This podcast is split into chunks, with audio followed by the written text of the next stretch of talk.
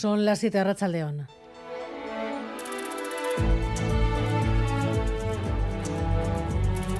Gambara con Arancha García. Estamos ante el final de las ayudas por la crisis energética. Bruselas ha refijado objetivos y exige que a partir de ahora se sitúe como prioridad reducir el déficit, o sea, que se dedique el dinero de las ayudas a ir eliminando deuda. Bruselas, Amaya, Portugal. Las normas fiscales vuelven el año que viene y la Comisión ha sido clara en sus recomendaciones. Toca retirar las ayudas generalizadas que implantaron los Estados miembros cuando hacía falta mitigar la subida de los precios de la energía. No así los impuestos a las energéticas. Valdis Dombrovskis, vicepresidente.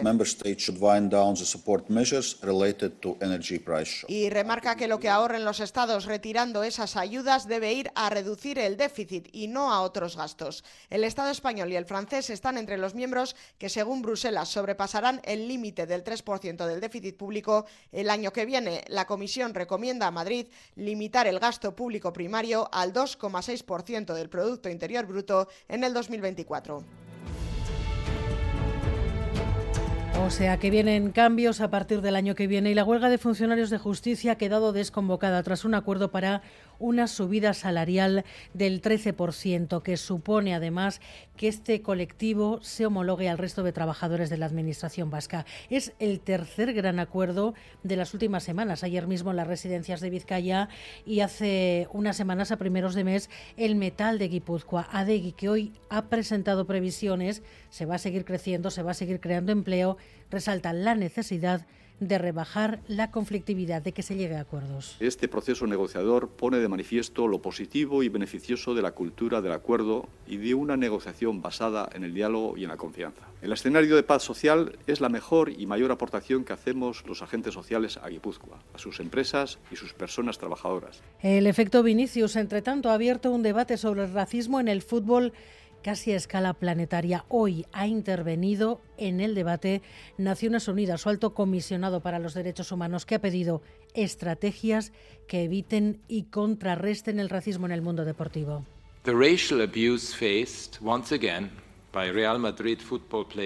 Aunque no todo el racismo es tan obvio como todo un estadio gritando a un futbolista estuve comprando el boleto y estaba contando las monedas y un segurata vino y me dijo, eh, disculpa, pero aquí no se puede pedir. Yo me lo tomé mal porque yo creo que si a una persona blanca hubiera visto eso, no le hubiera dicho lo que me dijo a mí. Incluso hay gente a veces que va por la calle, señoras mayores así, que se esconden el bolso, en plan, como que lo agarran así.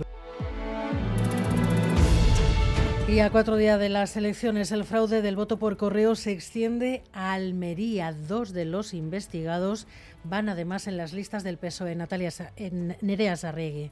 Sí, el PSOE ha suspendido ya de militancia a uno de los implicados en esa presunta red de compra de votos en Mojácar. El otro miembro de sus listas no tiene carne del partido, así que le han exigido que renuncie si el domingo es elegido. Los detenidos habrían ofrecido dinero a decenas de ciudadanos para asegurarse su voto, un caso similar al de Melilla, aunque no guardan ninguna relación. Allí el PP niega rotundamente las informaciones que apuntan a que uno de los diez detenidos habría captado votos también para el Partido Popular. Investigaciones abiertas también en este caso por la parodia que hizo TV3 de la Virgen del Rocío. Hay una jueza que cree que puede haber delito abierto, procedimiento contra los humoristas. John Fernández Mor. La titular del juzgado número 5 de San Feliu de Llobregat ha citado a declarar como investigados a los presentadores del programa de humor de TV3 Está Pasando, Tony Soler y Jair Domínguez, y también a la actriz Judith Martín, que fue quien encarnó a la Virgen del Rocío en la polémica parodia. Considera la magistrada que los hechos pueden ser constitutivos de un delito de injurias y admite también que la Asociación Abogados Cristianos ejerza como acusación popular.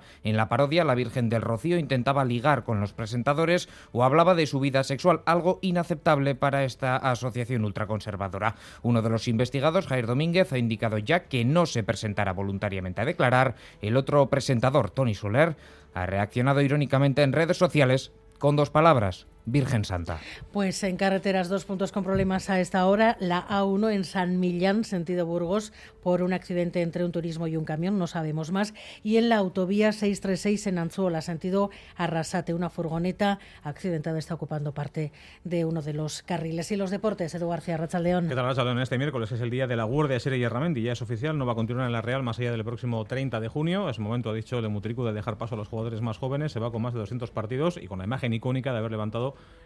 el título de Copa, logrado en Sevilla en 2021 en aquella final inolvidable en la Cartuja ante el Athletic. Tenemos dos citas con la competición destacadas para esta tarde. A las 8 y media va a jugar Basconia ante el Girona en el cierre de la fase regular de la Liga CB. Si Basconia gana será segundo detrás del Barça y si no tendrá que esperar una derrota del Real Madrid, cosa poco probable. A las 9, segunda semifinal de la Copa de la Reina de Fútbol en Putar, que van a jugar Atlético y Real Madrid. Busca el equipo de Rey Torregui el pase a la gran final del sábado. Allí espera ya el Atlético. En el Giro de Italia ha ganado eh, Alberto Dainese del conjunto DSM, la decimoséptima etapa, la sprint, una etapa plana. Yaren Thomas sigue como líder. Mañana llega ya la alta montaña, la traca final. Y muy pendientes de lo que pase desde las 7 y media en el partido entre Villarreal y Cádiz. Si hoy el Villarreal no le gana al conjunto andaluz, la Real será hoy mismo equipo Champions para la temporada que viene. Pues a ver si hay suerte.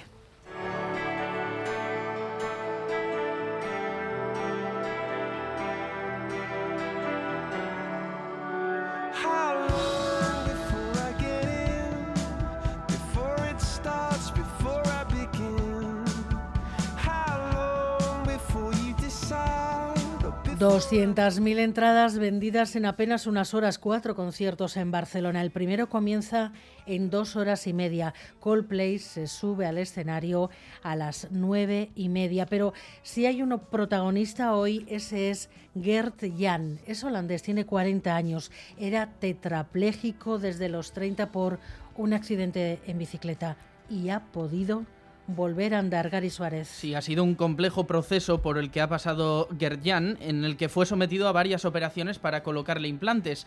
El primero se le puso en la médula espinal y más tarde otro más complejo, una especie de puente entre el cerebro humano y un ordenador que recoge estímulos cerebrales y los traduce en datos digitales. Después se le pidió a Gerdjan que se imaginara moviendo sus piernas, algo a lo que se dedicó durante meses. Gracias a esto, su cerebro emitía unos estímulos que se convertían en datos enviados a su implante de la médula espinal y finalmente se convertían en movimiento.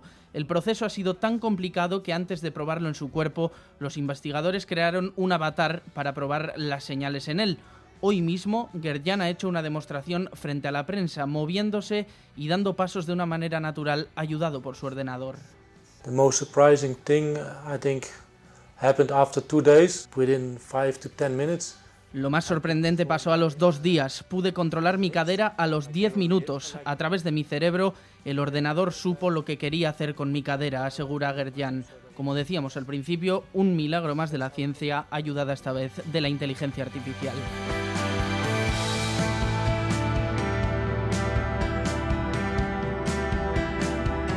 Miguel Ortiz y Pachi González están en la dirección técnica, Cristina Vázquez en la producción.